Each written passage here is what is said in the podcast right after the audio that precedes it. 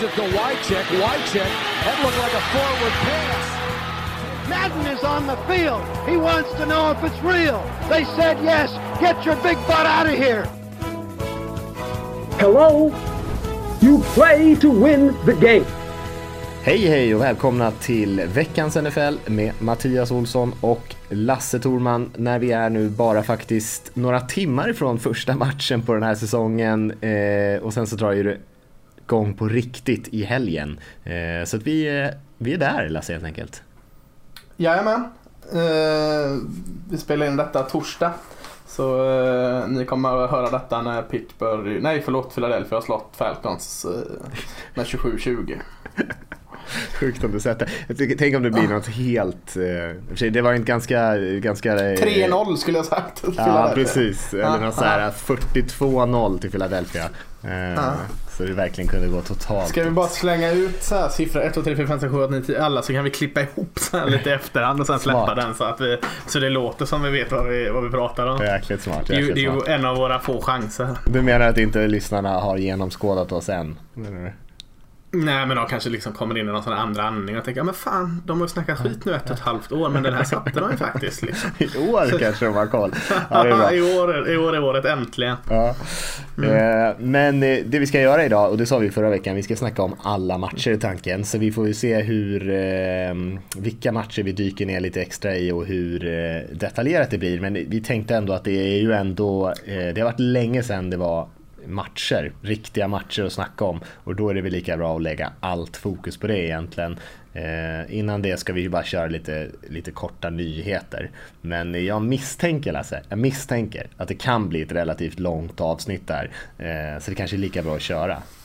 Ja, det är nästan som man får, jag får ta med min, min långärmade tröja här, Nike, Nike-tröjan här så att jag håller mig, eh, ska inte svettas ihjäl här så, så vi är redo för det här långa avsnittet. Ja men det är nästan en liten signal där att du alltså inte har eldat upp den än. Jag förstår inte vad du menar. Jag eh, säger bara att jag var ute och köpte väldigt mycket Nike här eh, men jag förstår inte alls vad du, vad du vill prata om. Jag tycker, jag tycker vi kan prata om nyheter istället. Precis. Och vi, vi ska ju faktiskt säga lite grann om Nike i nyhetssvepet här. För Colin Kaepernick eh, som är, har vi har pratat om många gånger med sin proteströrelse som han har dragit igång. Blev ju faktiskt signad här av Nike för att vara egentligen frontfiguren i deras nya reklamkampanj som är efter 30-årsjubileumet eh, för deras slogan Just Do It. Så det kommer lite filmer, det kommer lite bilder eh, och så kommer det väl även rullas den här reklamen under eh, öppningsmatchen här och under eh, helgen också. Eh, samtidigt som matcherna spelas. Så eh, vi kommer få se mycket av Kaepernick och eh, det har ju gjort att en hel del har blivit upprörda. De som inte gillar honom sen innan. Och eh, pratas, pratas om en bojkott av Nike helt enkelt. Ja, och du har ju redan eh, ältat det både en och två gånger. Du var ju med i Sveriges Radio eh, och- pratade Colin Kaepernick här. Jajamän, om man inte har hört det så var, var jag med där i P3 Morgonpasset. Eh, Jag vill säga att det var onsdag morgon, eh, runt sjutiden där. Jag tror att vi har, vi har skickat ut länkar och sånt där på sociala medier om man vill lyssna på det i efterhand. Så, men du har helt rätt, så jag har ju värmt upp lite grann och pratat om det här ämnet. Och jag vet inte hur mycket tid vi ska lägga på det här. Eh, Nej, men visst, visst var det så att du var väl där mer ur en businessperspektiv. Hur mycket det, alltså, de tjänar på det här Nike kontra alltså, ekonomisk risk mot ekonomisk eh, reward. Där. Du pratar väl ingenting om läget i Kaepernick-historien utan det var bara liksom eh, dollartecken och, och Nikes eh, ekonomiska strategiska tank, Ja, tänk i detta som var. Det är allt jag bryr mig om, pengarna. Ja, så jag jag bröt ner siffrorna lite grann där. Mm, eh, precis. Nej, men vi behöver vi prata så mycket om, om eh, Kaepernick. Det är väl ingen hemlighet att eh, de flesta här i, eh, i Sverige står väl på något annat sätt eh, bakom vad han försöker få fram och så sen orkar väl inte gå den här vevan eh, en hundraelfte gång om det är rätt eller fel, upp och ner, höger och vänster. Så det räcker väl att säga att Nike är ombord på Kaepernick-tåget. Jag tycker det räcker. Eh, för det har ju varit en hel del andra nyheter som kanske rent eh, sportsligt när det gäller NFL är mer intressanta för den här säsongen. Aaron Donald, Mm. defensive tacken i, Rams, eh, fick ett nytt kontrakt som gjorde honom till den högst betalda försvararen i NFL, vid det tillfället i alla fall. Rimligt tycker jag, för jag tycker nog att Donald är den bästa försvarsspelaren i NFL. Mm. Eh, ja, nej, jag, jag, kan inte försöka hitta något att säga emot här. Han är outstanding. Eh, revolutionerande på sin position så klart han ska ha de pengarna. Givet, men det satte ju också lite press på, på Oakland Raiders som hade en kontraktsdispyt med Khalil Mack, eller dispyt, man kom inte överens helt enkelt och eh, det slutade med att man faktiskt bytte bort eh, sin superstjärna Khalil Mack, pass rushen, eh, från Raiders till Bears. Det var lite olika val fram och tillbaka där, draftval, men man kan väl säga i korthet att det var två val i första rundan som gick tillbaka till Raiders från Bears, men Raiders fick också ge upp ett val i andra och skicka tillbaka till Bears. Så det var lite fram och tillbaka där, men men två val i första eh, mot Mac och ett val i andra och plus lite senare val då eh, var det som bytet eh, innehöll. Ja just det, så i dagsläget har Raiders tre val i första rundan. Mm. Till nästa år. Ja, den här kan man ju alltså gotta ner sig på ordentligt hela det här bytet. Liksom, spontant så kändes det ju, men vad håller de på med i Oakland? Liksom, vad släpper de Mac? Och, kanske man fortfarande kan tänka men, men det finns ju olika sätt att se på det och balansera upp och ner fördelar och nackdelar och eh, kontrabetala de pengarna för en QB och en pass rusher här. Så att, jag tycker fortfarande att eh, man borde kunna kräma ut lite, alltså plocka bort det där andra rundevalet man går bort. Det bara, bara det retar mig liksom. Så att eh, jag, jag, kan, jag kan köpa att man tradar Kellen Mac absolut. Men man, eh, Gruden har väl sett att eh, det är, krävs ordentligt att bygga om här och då eh, kommer inte en, två segrar till som Mac kanske kan bidra till hjälpa i, i, i långa loppet ändå och, och försöka eh, kräma ut ännu mer. Men, men ah, jag tycker man kunde alltså drive hard, alltså förhandla hårdare liksom. Få fram mer. Det borde man kunna få på en sån som Kellen Mac. Mm. Jag håller med dig i och för sig. Eh, jag tror att det är svårt, det är svårt att trada i NFL. Det är i andra ligor ibland i USA så är det ju lite enklare att få riktigt bra betalt och de här stora traderna som vi har sett kanske för något årtionde sedan eh, ser vi inte sådär jättemycket av. Eh, jag tyckte det var jäkligt trist att de bytte bort den. Jag tycker att det är ju deras bästa spelare. Eh, många har sagt att det är deras bästa försvarsspelare. Jag skulle nog hävda att det är deras bästa spelare även om man räknar in anfallet. Eh, och, eller var, rättare sagt. Och och eh, det är klart att det är ju inte så jättekul för fansen när man byter bort en sån spelare som de flesta kanske hade som sin favorit. Eh, och eh, skickar ju vissa signaler om att man tror inte att man kan utmana just nu och att man helt enkelt bygger för framtiden. Jag tror att det är svårt att använda de här draftvalen till att hitta en nya Khalil Mack. Man får nog räkna med att man hittar betydligt sämre spelare än Mack. Eh, men det får man kanske leva med. De hade väl någon filosofi där att det, eh, kanske inte vill betala så här mycket för en försvarsspelare och det får man ju köpa tycker jag. Det, om man har en, tagit ett ställningstagande så tycker jag man ska stå fast vid det. Eh, jag hoppas bara att man inte gjorde det här i i frustration och, och eh, affektion. Nej, för att man liksom inte kom överens och man, eh, att det var liksom ett desperat drag. Utan ja, är det genomtänkt och man tror på det här sättet att bygga lag, ja, absolut kör hårt. Kul ja. för Bears som får in en, en superstjärna till ett lag som redan har mycket intressanta saker. Ja, konstigt också att Bears är de som snappar upp på det dock. De är inte heller där nu. Jag tror inte Mac kommer eh, leda dem eh, längre heller. Men eh, det är klart, Trubisky har ett par år kvar på sin rookie deal så då har man ju råd att signa upp spelare som Mac.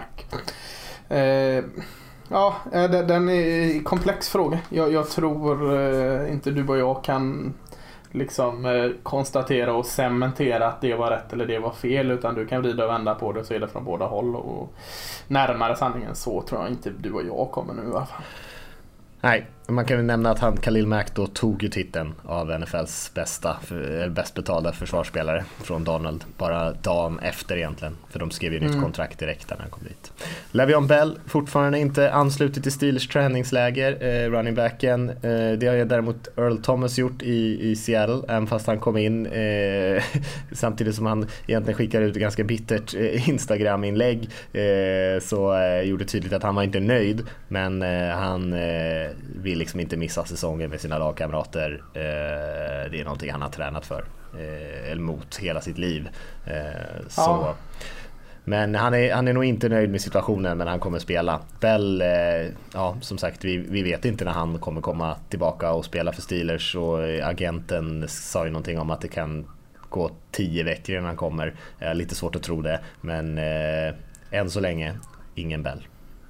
Nej, och det är infekterat i Steelers med eh, hans eh, blockerande offensiva linje där som nu går emot Le'Veon Bell här och liksom eh, mer eller mindre hänger ut honom som en pengagirig spelare som inte kommer och ställer upp för laget.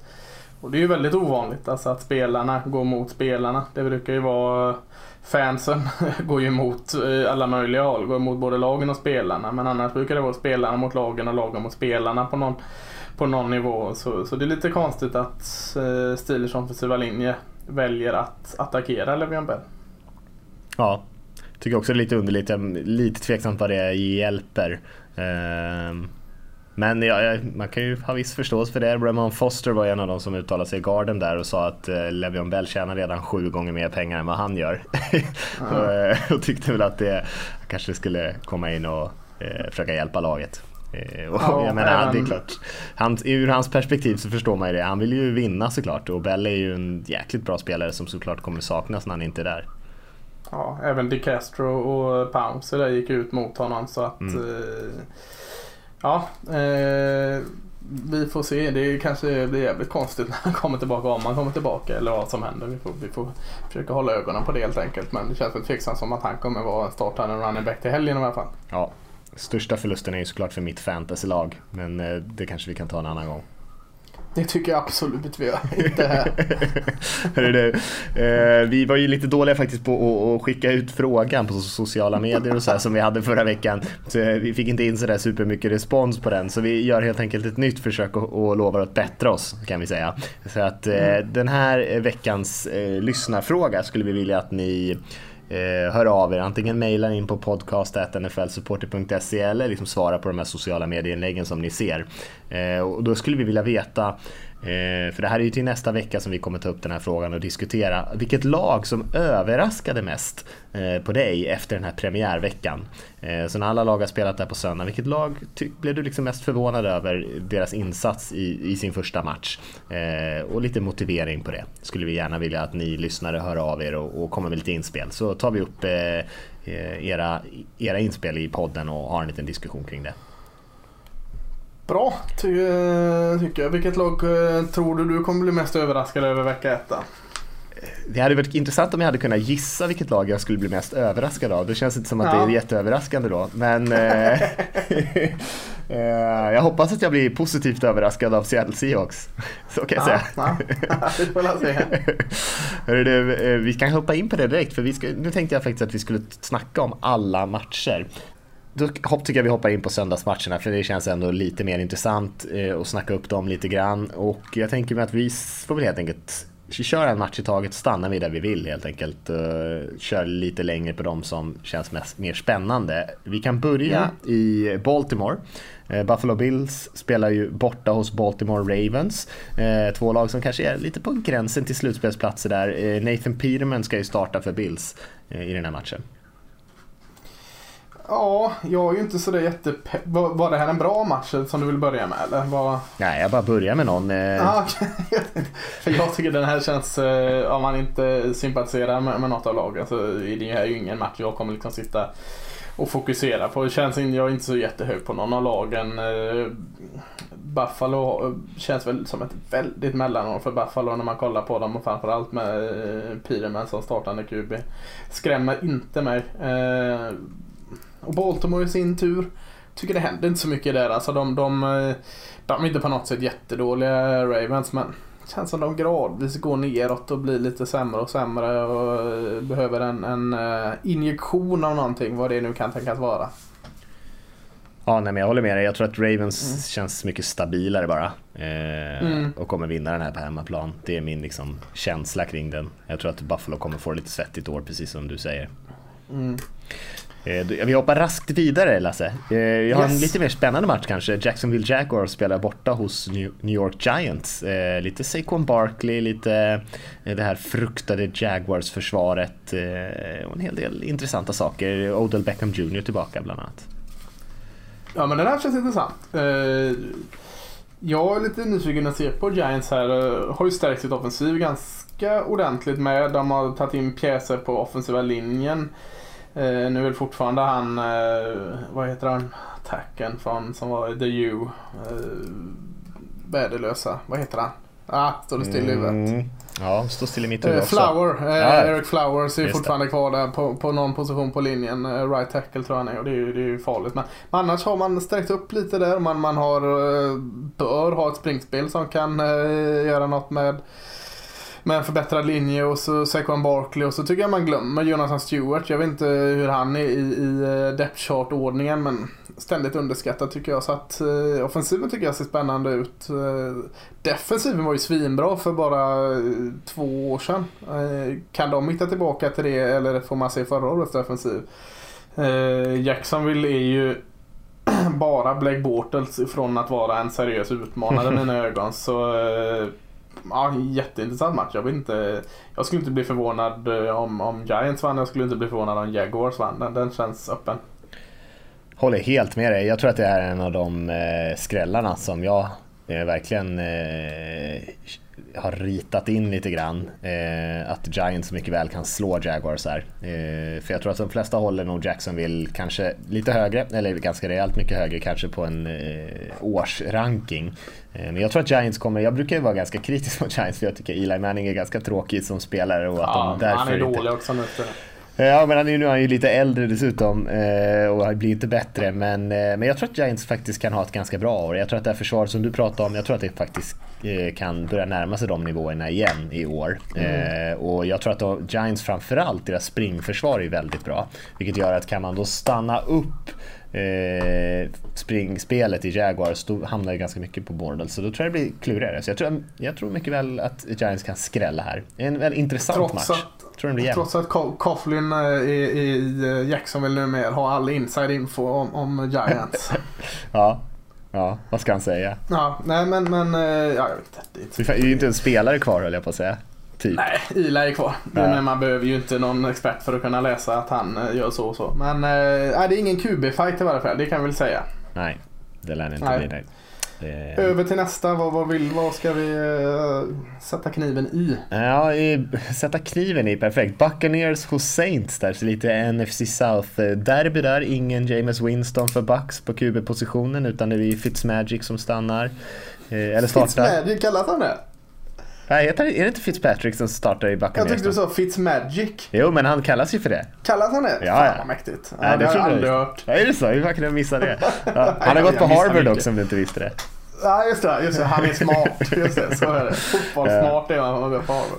Nej, men det är intressant. Jag tycker det här unga eh, Saints-försvaret eh, ska bli väldigt kul att se tycker jag. Och eh, får vi se om Marcus Davenport som de betalar så högt för i draften kan komma in och ha, en, eh, ha någon effekt på den här matchen. Jag gillar honom, det gjorde inte du.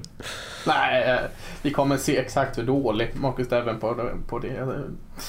Ja, nu ska vi inte haka upp oss på det. Ja, jag gillar ju Tampa Bay eh, förra år. Eh, gillar ju inte Fitzmagic då så mycket kanske. Eh, och har inte riktigt gett upp på James Winston än som en eh, mäktig QB. Eh, men jag gillar ju Saints ännu mer. Saints är en av mina favoriter förra året. De ser ju förbannat intressanta ut. Har svårt att se att det inte kommer vara roligt att kolla på New Orleans Saints. Både offensivt och defensivt. Eh, tror det här är väl en match man mer, mer vinner i luften än i springspelet känner jag spontant. Och ja, med Drew Brees och Thomas och dem så ska man inte ha några problem att lyckas i luften heller. Så, kul match. Jag tror Tampa kommer göra det lite jämnare än många tror men jag håller ändå New Orleans som solklar favorit. Ja, jag med. Jag tror att det är Bucks pass rush mot den här stabila Saints offensiva linjen eh, och Sean Paytons anfall där med alla skillspelare. Jag tror att det kommer bli jättesvårt för Buccaneers att hänga med. Eh, Jag tror Saints Mm. scorar mycket poäng i den här matchen. 30 plus i alla fall.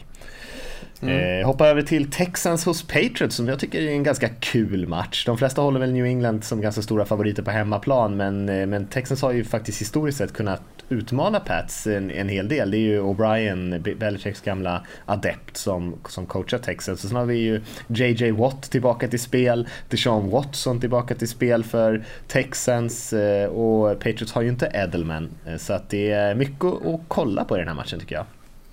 Mm. Eh, Patriots förlorade väl öppningsmatchen förra året mot Chiefs va? Om jag inte är helt Mm, eh, fel ute. Precis, de skulle ju gå Eh, eh, obesegrade och så torskade de ja. första matchen. Precis och, och Houston som du säger har eh, spelat med New England innan och gjort det bra. Och, vad fan, ja, toppmatch i, i, i detta tycker jag. Alltså Houston eh, kan mycket väl ha, eh, vara i det här så kallade fönstret att vinna en Super Bowl inom ett par år. Med vad de bygger där. Eh, Det ska bli jättekul att få se tillbaka se både Dijon Watson och J.J. Watt igen i Houston. Eh, Känns ju väldigt mycket mer intressant att kolla Houston än, New England. New England vet man på något sätt att de är bra i vanlig ordning. Houston är det ju spännande här nu. Mycket nya, nya Eh, spelare tillbaka och, och allt annat. Så att jag tror nog eh, att New England ändå är så starka att man vinner. Men eh, om jag sa som jag sa om Jacksonville New York Giants, så jag skulle inte bli jätteförvånad eh, oavsett vilket lag som står som segrare. Nej, jag, jag håller nog med dig. Jag tycker att Patriots eh, får stå som ganska tydliga favoriter här. Men det finns mycket intressant med Texans att titta på. Även om de skulle förlora. Eh, och det här är ju inte den matchen som de måste vinna på sitt spelschema. Det finns andra enklare matcher att ta. Eh, men Patriots är ju också, brukar ju börja säsongerna lite långsamt och så blir de bättre och bättre och bättre tills de spelar i Super Bowl igen. Eh, så eh, ska man slå dem så ska man slå dem i början på säsongen. Och jag har sagt det 111 gånger innan. När jag tippar Patriots så tippar jag med av gammal vana. Tills de bryter den normen. Alltså, Ja, alltså ser jag på pappret så hittar jag jättemånga hål. Men jag litar inte på vad jag ser för att New England är New England. Så att tills de eh, går ner och förlorar typ fyra raka så kommer jag tippa New England av gammal vana. Ja, ja, ja.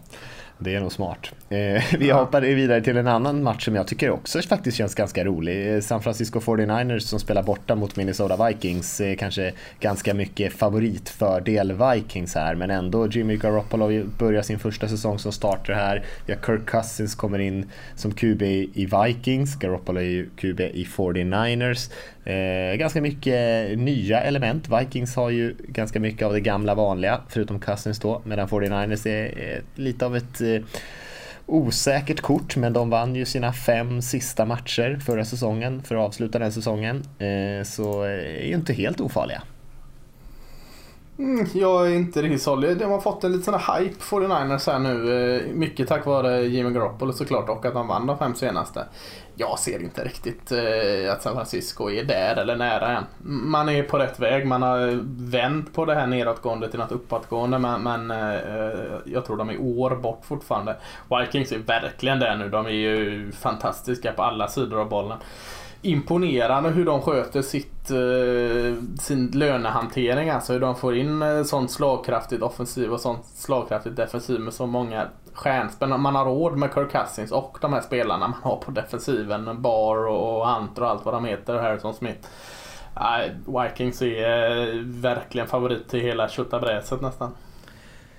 Ja, nej, jag, jag håller med om att eh, de är stora favoriter. Jag tror 49ers kan slå många lag, men Vikings på bortaplan blir kanske steget liksom lite för tufft för dem så här eh, med det här unga bygget som de har. En eh, lite av en mindre sexig match kanske får man säga när Tennessee Titans åker och spelar på bortaplan hos Miami Dolphins.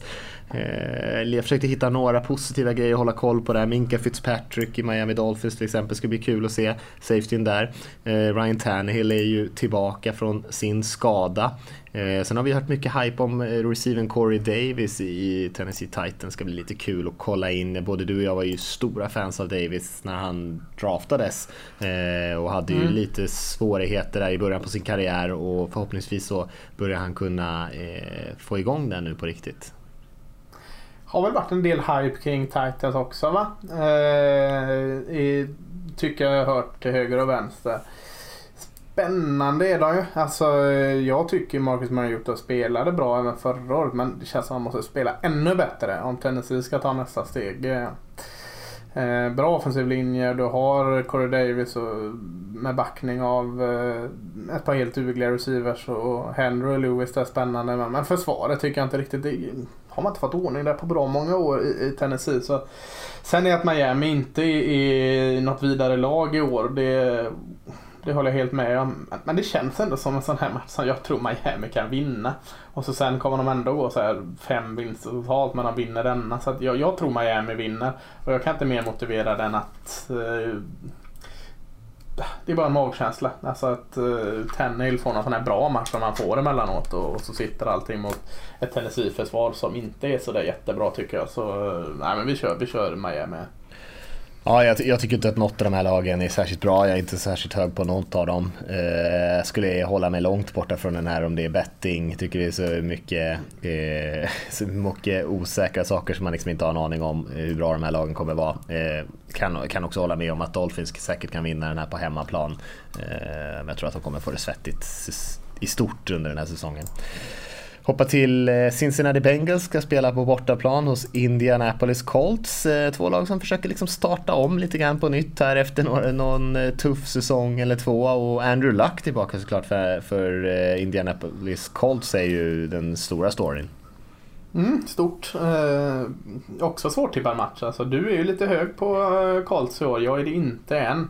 Eh, men det är såklart jättekul att eh, Andrew Luck är tillbaka. Och så, eh, kanske får lite bättre hjälp av en, en lite bättre offensiv linje så han kan få vara hel ett par matcher till tycker jag. Då. Sen ah, Cincinnati tycker jag känns fortfarande som eh, att de är stabilare just nu. De, de, är mycket bredare, de har eh, ett bra fungerande försvar, de har ingredienser i sin offensiv som kan göra det. Eh, så att jag, jag, säger även att det är i, i Indianapolis så säger att Cincinnati vinner denna. Jag håller helt med. Jag är, är, ju lite större fan av Colts i år än vad du är. Jag tror inte att de kommer vara super, men de kan säkert vinna åtta matcher med lite tur. Mycket på grund av Andrew Luck, för att han är en så pass bra spelare. Men jag tror att han kommer ha en lite seg start på säsongen. Det var länge sedan han spelade. Cincinnati Bengals däremot tycker jag är bättre än vad många ger dem cred för. Eh, jag tror att de kommer ut med en slutspels, slutspelsplatser till och med i, i norr där. Så att jag tror att de tar den här matchen mot ett ganska svagt Colts ändå. Eh, särskilt deras defensiva linje mot eh, Indianapolis offensiva linje kommer bli en riktig mismatch tror jag. Och sen mm. AJ Green mot Colts corners, ja det, det kommer bli tufft. Mm. Eh, Steelers hos Browns i sista 19 matchen där. Ingen Levion Bell som vi sa. Eh, Browns där kommer från Hard Knocks fullt med självförtroende i laget. Skulle ju vara en ganska smutt start att slå eh, det stora hatade Pittsburgh Steelers i Cleveland. Tror du på den historien? Nej, det gör de inte. eh, Cleveland får bevisa något annat än vad ett hypat HBO-program för att liksom övertyga mig. Eh, tror lite de här att Steelers är knyta näven-läge också med det här allting kring Bella. Så det skulle inte förvåna om James Conner springer för typ 150 yards eller något sådant bakom en, en förbannad offensiv linje. Försvaret är jättebra. Eh, kan bara hålla eh, ungefär snitt hur bra man är så löser man detta mot eh, Cleveland. Cleveland har rört om så mycket här nu. Man har kattat spelare som man kanske inte trodde man skulle katta och försöker bygga åt ett annat håll här just nu bra på tiden kanske, men, men eh, vecka ett är man långt ifrån ett, ett lag som ska slå Steelers tror jag. Ja, nej, jag, eh, jag håller med dig om att jag tycker att hypen kring Browns kanske har gått, eller jag håller med dig. Jag tycker att hypen kring eh, Browns nog har gått för alldeles för långt.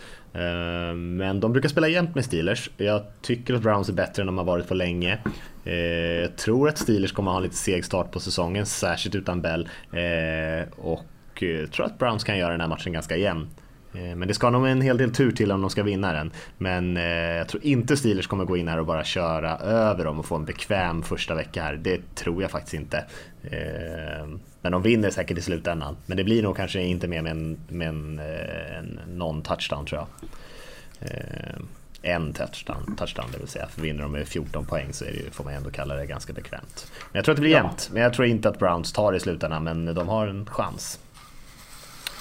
22.05 där har vi eh, Kansas City Chiefs hos Los Angeles Chargers. Lite divisionsderby där mellan två lag som eh, verkligen har målet på, eh, eller siktat in sig på slutspel i alla fall. Patrick Mahomes kommer in och startar sin första match för Kansas City här. Eller första riktiga match, han spelar väl någon vecka 17 match va? Men det är väl också den stora historien där. hur ska det här Chiefs-laget se ut med Patrick Mahomes? Ja, det, det, är väl de två solklara favoriterna i AFC West. Eh, och det ska bli jättespännande att se Chiefs offensiv. Eh, är Patty Mahomes på riktigt så är nog Chiefs på riktigt även i år alltså för att eh, man är så laddad i offensiven. Han har allting han behöver i form av lekkamrater att kasta till, lämna över bollen och springa till. Han har en bra offensiv linje. Eh, försvaret är väl eh, i någon form av uh, identitetsskifte eller generationsskifte eller vad man kallar det. Men det finns fortfarande bra med, med spelare i det försvaret tycker jag. Så att uh, Chiefs ser förbaskat spännande ut. Men, men det, det gör Chargers med. Uh, Philip, Rivers har, Philip Rivers har väl ett eller två år till kanske i sig att prestera om man, om man får hjälp av finfina Keenan Allen och nu är väl Antonio Gates tillbaka här igen. 38-åringen. Eh, ja, eh, men, men det är ju försvaret i Chargers som såklart ska lyftas upp. Det är jättebra. Och eh, Ja, jag vet inte hur mycket till fördel det är att spela hemma för Chargers. Deras nya arena är byggd här men, men nackdel kanske det inte är i varje fall. Så att ja, kan Chargers vinna den här? Eh, ja, kan Chiefs vinna den här? Ja, men, men eh, du får säga, du får vara eh, domare. Vi kan ta den här. då säger jag Chargers tar det.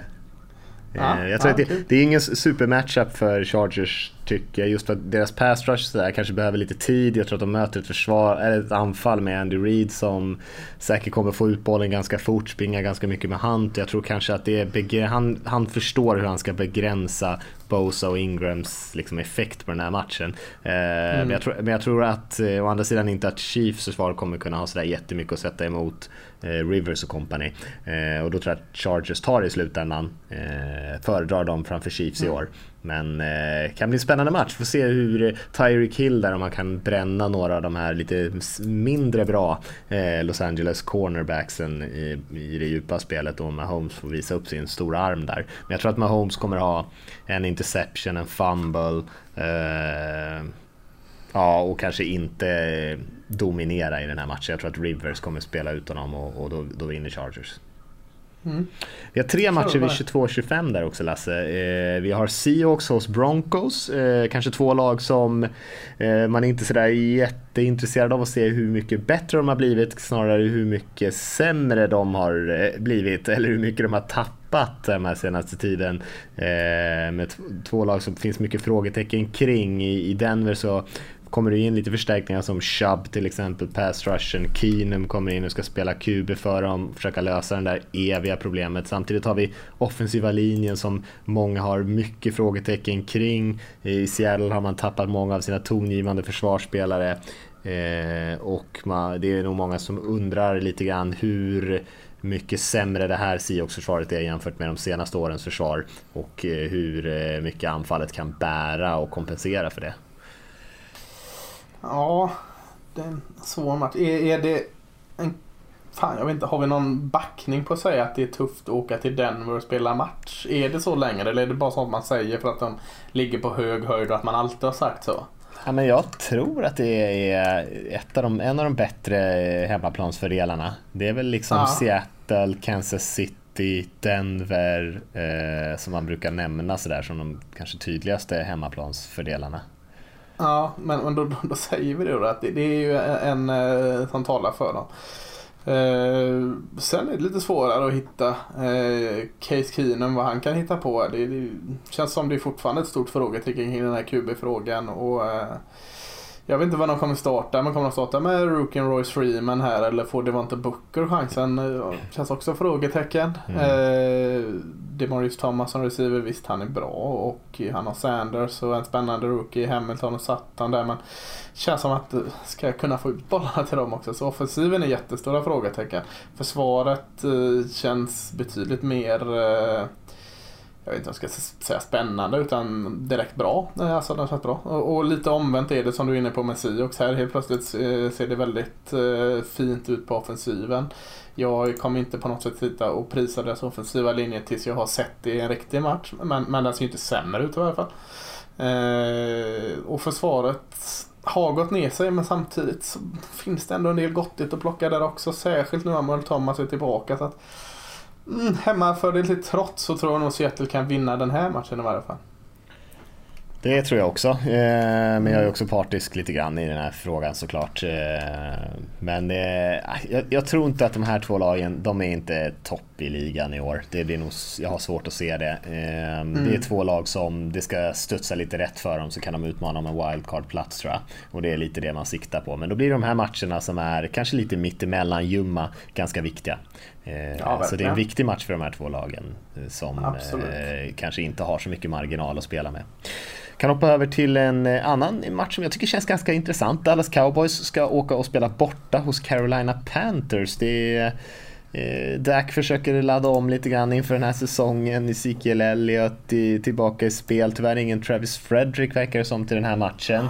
Eh, samtidigt möter man ett, ett Panthers som eh, ja, som gjorde en väldigt fin säsong förra året, eh, i alla fall i vinstkolumnen, men som kanske inte riktigt spelade på den nivån som de faktiskt levererade vinster. De vann ju 11 matcher förra säsongen och så bra tyckte inte jag att de var.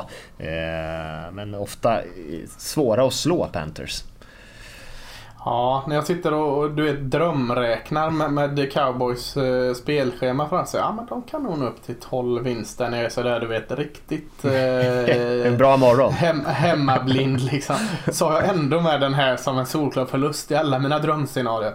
Eh, Dallas eh, eh, passar inte, eller jag ska säga Carolina Panthers passar inte Dallas bra. Alltså det, det är skitsvårt att springa mot Carolina. Alltså det är inga lag som gör det bra. Och eh, är det någonting Cowboys väl med eller utan Travis Frederick, den grymma centern, är, kommer göra i år är att de kommer luta sig mot springspelet med Zeke Elliott och sin linje. Kan de inte göra. Här är det upp till Dak Prescott eh, och eh, en ny receivergrupp eh, med, med eh, okända tight ends, en, en liten Cole Beasley i mitten och en eh, Hearns som ska vinna matcher. Det är det man, man får vinna på i offensiven här och jag vet inte om de, om de är... Jag har inte sett det. Jag har inte sett det samarbetet funka vidare väl på försäsongen har ju de inte spelat så mycket Dac och kompani. Men försvaret är det man får kanske förlita sig på i Cowboys. Tycker det är, har gått från eh, skratt till deras styrka mer. Eh, men jag håller Carolina som favorit. Det ska bli jätteroligt också att se vad eh, Mr North Turner, den nya offensiva koordinatorn, kan få ut av Cam Newton och, och, och kompani. Det kommer säkert bombas mer långt och, och, det är någonting Dallas har väldigt svårt att hantera. Så att, äh, jag, jag, tror, eh, jag ska inte säga jätteenkelt, men jag tror ganska bekvämt att Carolina kommer vinna den här matchen. Håller nog också Panthers som favoriter där faktiskt. Eh, men eh, jag gillar att du kom över där och, och, och la lite extra press på försvaret i cowboys. För jag tror att det är där man har chans att vinna matchen. Eh, Panthers har en ganska mm. svag, svag offensiv linje. Dallas försvar kan vara riktigt bra i perioder. De är lite ja. upp och ner sådär men de defensiva linjen kan ibland dominera matcher och eh, man har chansen här att verkligen köra över Panthers. Och eh, Cam är en sån här spelare som, han är inte så lätt att få ner på marken men han ger heller aldrig upp på spel så det kan bli lite fumbles och sånt där. Så att eh, om man jagar på honom lite grann så kan det bli lite misstag. Sen är det ju så här, det pratas ofta om Cam Newtons, ja, han har bara 59% completion percentage. Bara, ja, fast han bidrar med en jäkla massa andra saker som ingen annan ah. spelare i NFL egentligen gör. Och så bortser man helt från det och säger att han är inte en topp liksom, QB i NFL. Det är klart att han är, men att annat är dumheter. Eh, så att han är svår att försvara eh, mot eh, Cam Newton just för att han har så mycket olika explosiva element i sitt spel. Bara springa bollen själv, de här stora passningsspelen som du själv säger att cowboys kan ha lite svårt för ibland. Eh, jag tror att det blir en väldigt spännande match. Jag tycker den känns jämn, eh, väldigt svårtippad. Jag tror Panthers tar den lite för att det är hemmaplan. Hade det varit cowboys hemmaplan så hade jag kanske lutat lite mer åt Dallas, men eh, intressant match. Vi har den eh, sista 22-25 matchen där det är Washington Redskins som spelar borta mot Arizona Cardinals. Två ganska bortglömda lag skulle jag säga. Det är inte många som snackar om något av de här två lagen egentligen. Cardinals har jag knappt hört ett enda ord om. Eh, och Redskins när Alex Smith kommer in och ska ersätta Cousins på QB-positionen. Eh, har en del spännande saker, bland annat en bra offensiv linje. Tyvärr fick man ju running back guys skadad här tidigt på försäsongen som man draftade tidigt. Eh, I Cardinals, samma gamla lag egentligen som länge. Jag tror att försvaret kommer kunna spela ganska bra. Eh, Sam Bradford kommer in och ska spela QB här. För Josh Rosen har man heller inte hört särskilt mycket om under försäsongen tycker jag. Eh, och så det, kanske det viktigaste av allt så får man sin, eh, sin eh, running back tillbaka. Och eh, förhoppningsvis eh, så kan det kan David Johnson göra att det blir lite mer fjutt i det här anfallet i Cardinals. Ja, tycker egentligen det är det som är matchavgörande. David Johnson, det känns väl som X-faktorn här eh, från två ganska, mm, ska inte säga, eh, mediokra lag eller under, eh, under hälften lag eller vad man ska kalla det så, så tycker jag David Johnson är det som, liksom, om man ska lyfta fram en grej från något av de här lagen så, så tycker jag det är David Johnson i Arizona Cardinals running backen här som liksom direkt man kan peka på något, välj något här som kan vinna den här matchen så tycker jag man ringar in David Johnson direkt. Eh, han, han är så eh, ett hot på så många nivåer liksom. Eh, var lite frestande att säga att Alex Smith ständigt den här nedräknade, bortglömda, underskattade Alex Smith. Tycker han har, jag tror och, och tycker att han har mer att, att ge och han ger ofta bra men det räcker inte. Jag tycker två lite halvdana trupper där David Johnson är den klart mest lysande stjärnan som också kommer vinna detta. Ja, jag tycker svårtippad. Tycker väldigt, väldigt svårtippad. Mm. Här skulle jag, jag kan lika gärna slänga upp ett mynt här och bara eh, ta det laget som liksom kör lite eh, lotteri egentligen. För jag har ingen riktig känsla för vilka som kommer vinna det här. Eh, men jag säger också Cardinals för de spelar hemma, de har David Johnson, tycker Sam Bradford är bra när han är frisk och hel. Eh, försvaret är bra. Eh, men jag skulle inte bli min minsta förvånad om, om Washington tar den matchen. Nattmatchen där, Sunday Night Football, är, eh, matchen blev lite mer eh, intressant här på, med tanke på nyheterna som vi körde där i början av programmet. Det är Chicago Bears som spelar borta hos Green Bay Packers. Vi har ju Aaron Rodgers tillbaka från sin skada eh, och eh, Khalil Mack då, som kommer in och ska spela för Chicago Bears här, vilket blir en intressant syn att se honom i en Bears-uniform och helt plötsligt blev pass rushen i Chicago ett många steg eh, bättre med Leonard Floyd där som är en, redan en, är en bra pass rusher. Mycket tror jag hänger på om eh, Mitch Trubisky kan göra en fin match. Eh, annars tycker jag att det är ganska tydlig fördel för Green Bay här, eller det är en väldigt tydlig, tydlig fördel för Packers på, på Lambeau Field. Eh, är de extremt svårslagna. Jag tror Rodgers kommer vara totalt övertaggad här också och eh, göra en riktigt fin match. Ja, vi, vi nämnde ju inte Packers här med, med ett av de här lagen som har en tydlig fördel att spela hemma. Såklart, det är Packers ett av dem på Lambeau Field. Eh, du nämner eh, Bears pass rush och deras defensiva linje som såklart ser bra ut. Det pratades förra året en hel del om, kolla hur dåliga Packers ser ut utan Aaron Rodgers. Sant såklart men, men eh, de såg också väldigt skakiga ut utan när det blev skador på både Brian Bolaga och Bacteri och, och delar av linjen. Nu är de tillbaka och har en jäkligt stark offensiv linje och en Aaron Rodgers där. Så att det kommer bli en jättetrevlig kamp mellan offensiva linjen i Green Bay och den defensiva linjen ehm, snedstreck pass rush i, i eh, Bears. Jag tror där någonstans att det avgörs och eh, med Aaron Rodgers förmåga att snika ut lite och hitta ur fickan och hitta sig lite mer tid så tror jag som du säger att det kommer bli en vinst för Green Bay Packers och den kommer bli tydlig. Det kommer bli ett ganska hårt uppvaknande för eh, ett lite Bears i lite medvind här. Kan se det scenariot hända faktiskt, måste jag erkänna. Jag gillar Bears, men mm. det här kanske, Nej, jag med. här kanske är lite för mycket. Jimmy Graham kommer ju mm. ska spela för Packers också. Det är Thailänden. Se hur han passar in där i, i lagbygget. Mm. Eh, Monday night har vi egentligen två stycken matcher faktiskt, eh, vilket är lite nytt. Eh, vi har mm. New York Jets som spelar borta hos Detroit Lions i den som kanske känns lite mindre het. Där har vi Sam Darnold, rookien som draftades nummer två i, i NFL-draften i år, som ska starta för Jets, den enda rookie-kuben som faktiskt startar den här första veckan.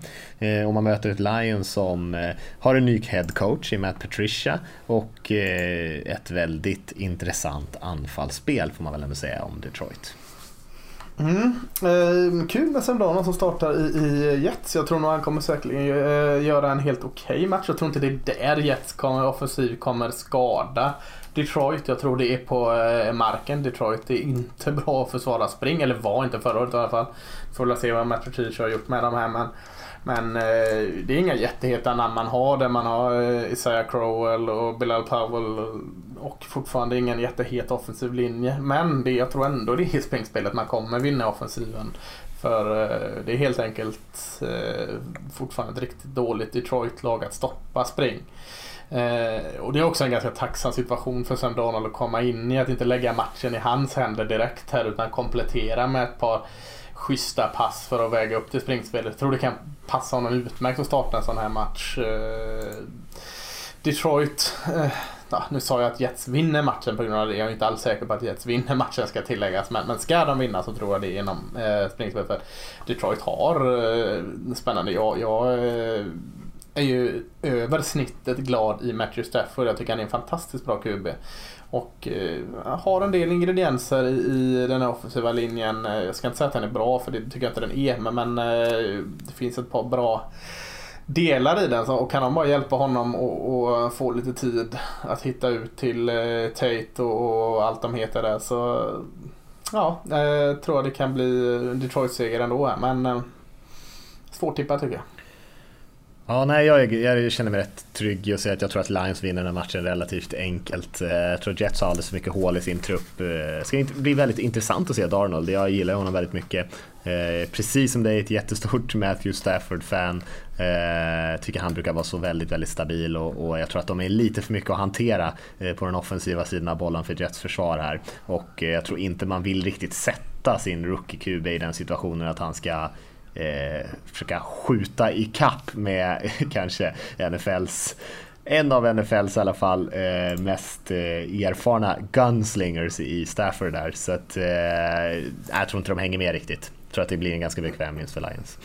Vi har en lite mer intressant match tycker jag på, på måndag natten också som är, startar 04.20 för de som är riktigt eh, natt, eh, nästan morgonpigga för det är så tidigt. Mm. Eh, det är ju Los Angeles Rams som spelar borta hos Oakland Raiders. En spännande match med Rams med alla sina värvningar som de har gjort, särskilt i försvaret där av Marcus Peters, cornerbacken, Akib Talib på samma position, Ndama Kong Su på defensiva linjen, en av de bästa spelarna i, i ligan har han varit. Eh, och även Brandon Cooks receiven kommer in där i Rams.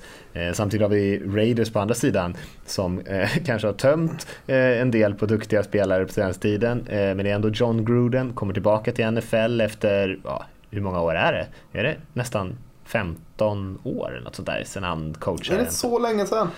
Ja, det måste väl nästan vara det. Eller är det bara 10? Ja, det är länge sedan i alla fall. Han kommer tillbaka och det ska bli väldigt intressant att se hur han har liksom, eh, satt sitt avtryck på det här Oakland-laget. Ja, eh, det ska det verkligen bli. Eh, jag tror det var enda podcast jag spelade in hittills så har jag hakat upp mig på att jag inte kan eh, läsa Oakland så det är ju jävligt tjatigt att säga det igen. Så jag får väl försöka göra någon hobbyanalys här att eh, eh, offensiven, ska vi stanna vid den så tycker jag den ser bra ut. Jordi Nelson och Murray Cooper. Eh, känns som två olika spelare som kan vara ganska bra för Carr att hitta. Eh, offensiva linjen fortsatt stark trots att den är lite svajig. När det snackas om den så är det fortfarande en styrka. Eh, helt klart. Eh, Marshawn Lynch är Marshawn Lynch. Det kan kräma ut en hel del av honom. Han är jävligt tuff att få ner. Eh, Doug Martin där bakom också spännande att se. Försvaret eh, tycker jag ju ser eh, dåligt ut. Eh, kan inte riktigt heta. Det är ju det man, man får bygga om och det ser ju inte bättre ut utan eh, med, med Tank Carradine där som går in och ersätter eh, Khalil Mack. Det, det är en jäkla downgrade. Rams. jag tror det var som eh, förra året de dansade. Jag tror inte det är samma Rams i år. Jag vet att du har varit inne på det också. Att det, det var kanske lite bättre än vad de egentligen är förra året jättefina på alla positioner. Jag tycker deras offensiva linje förra året var wow vad övertygande den var och jag tror inte vi kommer få se samma stycke. Det var samma som med, med Carolina Panthers för några år sedan. De hade helt plötsligt en skitbra offensiv linje och så tänkte man jäklar, de med den här offensiva linjen. Och så byggde han bara ner sig. Så att, jag säger inte att Rams offensiva linje ska vika ner sig på något sätt. Eh, för de har fortfarande bra spelare. Han gamlingen där, left tacken, vad heter han? Eh, Whitworth är ju fortfarande jättebra. Men jag kände som alla i Rams förra året presterar på absolut bästa nivå. Och eh, det ska mycket till om de gör det även i år. Men, men, men med det sagt så vinner man första matchen mot Oakland. Det är lite, eh, Oakland är lite ur balans. Men, men ja, det kan nog bli jämnt. Ja, nej, jag tror, att, jag tror att Rams vinner ganska lätt. Eh, Jag Mm. håller med dig om eh, att anfallet det allt gick liksom rätt för dem förra säsongen och det kommer säkert inte kunna göra det i år. Men däremot i den här första matchen är ju en jag tänker så här, det här är inte någon tuff utmaning. Eh, utan Khalil Max så skulle jag väl ändå kunna jag vill nog hävda att Oakland Raiders har sämsta försvaret i NFL. Eh, och sen anfallet i, i Raiders är bra. Eh, men med alla de eh, nyförvärven som Rams har gjort i sitt försvar, det kanske tar ett tag innan de spelar ihop sig i och för sig. Men de borde totalt köra över eh, Raiders egentligen om de ska vara med och utmana, tycker jag. Eh, tror att Carr och company kommer kunna slänga upp lite poäng eh, så att det inte blir för pinsamt i slutändan. Eh, men Rams, ja, måste bara vinna den här matchen. Annars skulle jag bli väldigt förvånad. Eh, och då ska jag ge Gruden mycket cred eh, i nästa podd om han lyckas ta den här skalpen. Gäller på något sätt att komma emellan den här defensiva linjen och secondary. För de har ju fan inga linebackers i Rams. Så kan man på något sätt nyttja det, eh, snabba slants eller eh, bara låta Marshawn Lynch trycka igenom första vågen så kan man få mycket för att eh, mellan secondary och D-linen så är, det, är Rams sårbara. Så det gäller att försöka hitta in där och, och använda det i sådana form av gameplan. Raiders offensiva linje är ju inte dålig, men eh, det är en riktig battle of the giants här med Raiders offensiva linje och, Rams defensiva linje. Det är, eh, ja, alltså, att, att vi ens kommer få se Ndamukong Su och Aaron Donald spela bredvid varandra är ju eh, otroligt. Det kunde, trodde man inte att man... Jag kan inte minnas att jag har sett en bättre duo i NFL ja, på ett årtionde eller något sånt där i alla fall. Eh. Vem tror du kommer dra mest nytta av det då, om man säger så? Vem kommer, eh, vem kommer putsa upp sina stats ännu mer? Liksom, eh? vem kommer leva? Kommer Sue leva på Donald eller kommer det vara tvärtom? Eller kommer Michael Brocker så här, komma in och få en 26 säsong helt plötsligt? Alltså, ja, nej, jag tror inte att det finns så mycket utrymme för de andra. Kanske att någon pass rusher dyker upp och får så här 10 sacks som egentligen kanske inte Ja. borde ha mer än två. Eh, Men jag tror att eh, Donald är nog den som kommer sätta upp statsen. Jag tror att eh, Ja. Sue kommer få ta en lite mer klassisk run-stopper-roll. eh, Medan eh, Donald får gå lite gå lite crazy. Ja, Han har ju alltid haft en lite fri roll. Men eh, för Sue har ju eh, kanske lite med åldern eh, mindre och, fått mindre och mindre sacks och mindre och mindre fina stats de senaste åren även fast han har varit bra fortfarande. Så att Mm. det kommer nog se bättre ut på Sues konto och sådär. Men, men båda är ju fantastiska spelare. Absolut. Har vi betat igenom alla jäkla matcherna nu? Ja. Och det gör vi varje avsnitt. Nej, nej, det ska vi definitivt inte göra. Det kommer ju bli jäkligt tjatigt med analyserna där efter ett tag. Eh, ja, vi, kan, jag kan ta, vi har faktiskt två frågor, så vi kan ta dem Mm. innan vi eh, rundar av Lasse. Men sen ska vi faktiskt ta runda av för vi börjar komma upp lite grann i minuterna här. Men vi har en fråga från Mm. Johan som skriver Hej Lasse och Matte! Skönt att ta er tillbaka efter vad som känns som flera års torka. I er senaste podcast så lät det inte som att ni skulle gå igenom alla divisioner med rankingar av lagen inför säsongstarten. Kan det verkligen varit, vara så? Säger Johan här. Ja, det var faktiskt så. Eh, blev inte något av det den här gången. Eh, Men vi, vi, eh, vi parar vi in i halvtid av NFL så kan vi ju gå in och göra någon form av läget i divisionerna här Ja. som eh, en ny approach helt enkelt. Ja. eh, För, som någon form av plåster på såren för detta. Ja, för detta svek.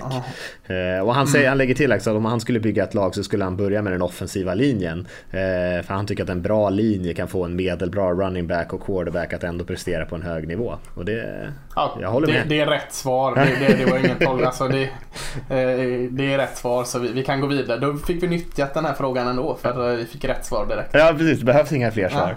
Nej. Nej. Eh, Vi har en fråga från Henrik här också som eh, skriver Hallå, tackar för en bra podcast, veckans höjdpunkt att lyssna på er och jag har en fråga om playcalling. Eh, har huvudtränaren alltid eh, hand om playcalling i anfallet? Finns det någon HC, eh, någon headcoach alltså, som tar hand om playcalling i både offensiv och defensiv? Och hur ofta tror ni att huvudtränaren ändrar sin defensiva koordinators playcalling? Eller rådgör alla defensiva koordinatorn, eller rådgör alltid defensiva koordinatorn sitt playcall med headcoachen innan varje spel? Och sen undrar han också om det funkar likadant i college. Så det var många olika frågor där Lasse. Eh, man kan mm. väl börja med att säga nej på första frågan. Alla headcoaches har ju definitivt inte alltid hand om playcalling i anfallet. Eh, det är nog relativt ovanligt till och med. Ja, det är ju fler eh, som inte har det än vad som har det i varje fall. Mm. Sen borde kanske fler ha det kan jag tycka, men, men så är det inte. Och detsamma är det ju med, med defensiv playcalling också. Att det är, ofta att koordinatorerna har det och, och, och eh, lika så är det väl eh, i college också. Eh, att, eh, där kanske det är lite mer vanligare att en, en offensivt eh, lagd HC går in och roddar i playcallet. Sista ordet har ju de. Man, man ser ofta att en, en ja, om vi ska prata om Rams här, vad har de för offensiv koordinator. De har ett gäng där. Så det var ett dåligt exempel. Ja, men, för där är det väl Sean McVay, headcoachen, som kallar ja, spelarna. Ja, det, var, det var ett dåligt exempel där. Men, ta något annat lag där. Vi säger eh, Bill Musgrave i, Broncos. Eh, är det fjärde och två liksom och de är på offensivt plan så ser du ofta han och Vance Joseph står och, och pratar lite med varandra här. Då kanske han, Håsing går in liksom och eh, Eh, sätter sin stämpel på att ja, men, kör, kör fjärde här nu liksom. Må det, må det bära eller brista. Mm, lite mer sånt ju. Men, men eh, gameplanen eh, om man inte frångår från den allt för mycket så är det han som offensiva koordinatorn om, om nu han har eh, det på sin, sitt eh, jobb att kalla spelen så är det han som gör det också. Ja, och eh, Andra frågan som man hade där om det var någon som har både anfall och försvar så är svaret nog nej på det också. Jag har inte sett det i alla fall någon gång. Och jag, Usch vad jobbigt. Jag har inte sett det eh, tidigare liksom, historiskt heller vad jag kan dra till minnes. Säkert väldigt länge sedan så var det säkert någon som gjorde det men det är för komplicerat helt enkelt. Det är mm. extremt komplicerat och man måste ha tid att prata med sina spelare emellan och så här, hur, vad, hur funkar det där och de där grejerna. Så skulle man göra allting det blir inget bra tror jag. Det är ju ofta så att headcoachen ofta släpper, även fast man verkligen tycker om att kalla offensiva spel, att man släpper det för att kunna fokusera på liksom helhetsperspektivet. Eh, men det är som vi sa där, det finns några headcoacher som fortfarande har hand om antingen anfall eller försvar, men ingen som har båda. Jag tror inte att det är så vanligt att de går in och ändrar eh, playcalls eller jag tror att det ska bli ganska stökigt. Jag tror däremot att man har en öppen linje av kommunikation där som man pratar i, särskilt om viktiga situationer planer vad man ska göra och så.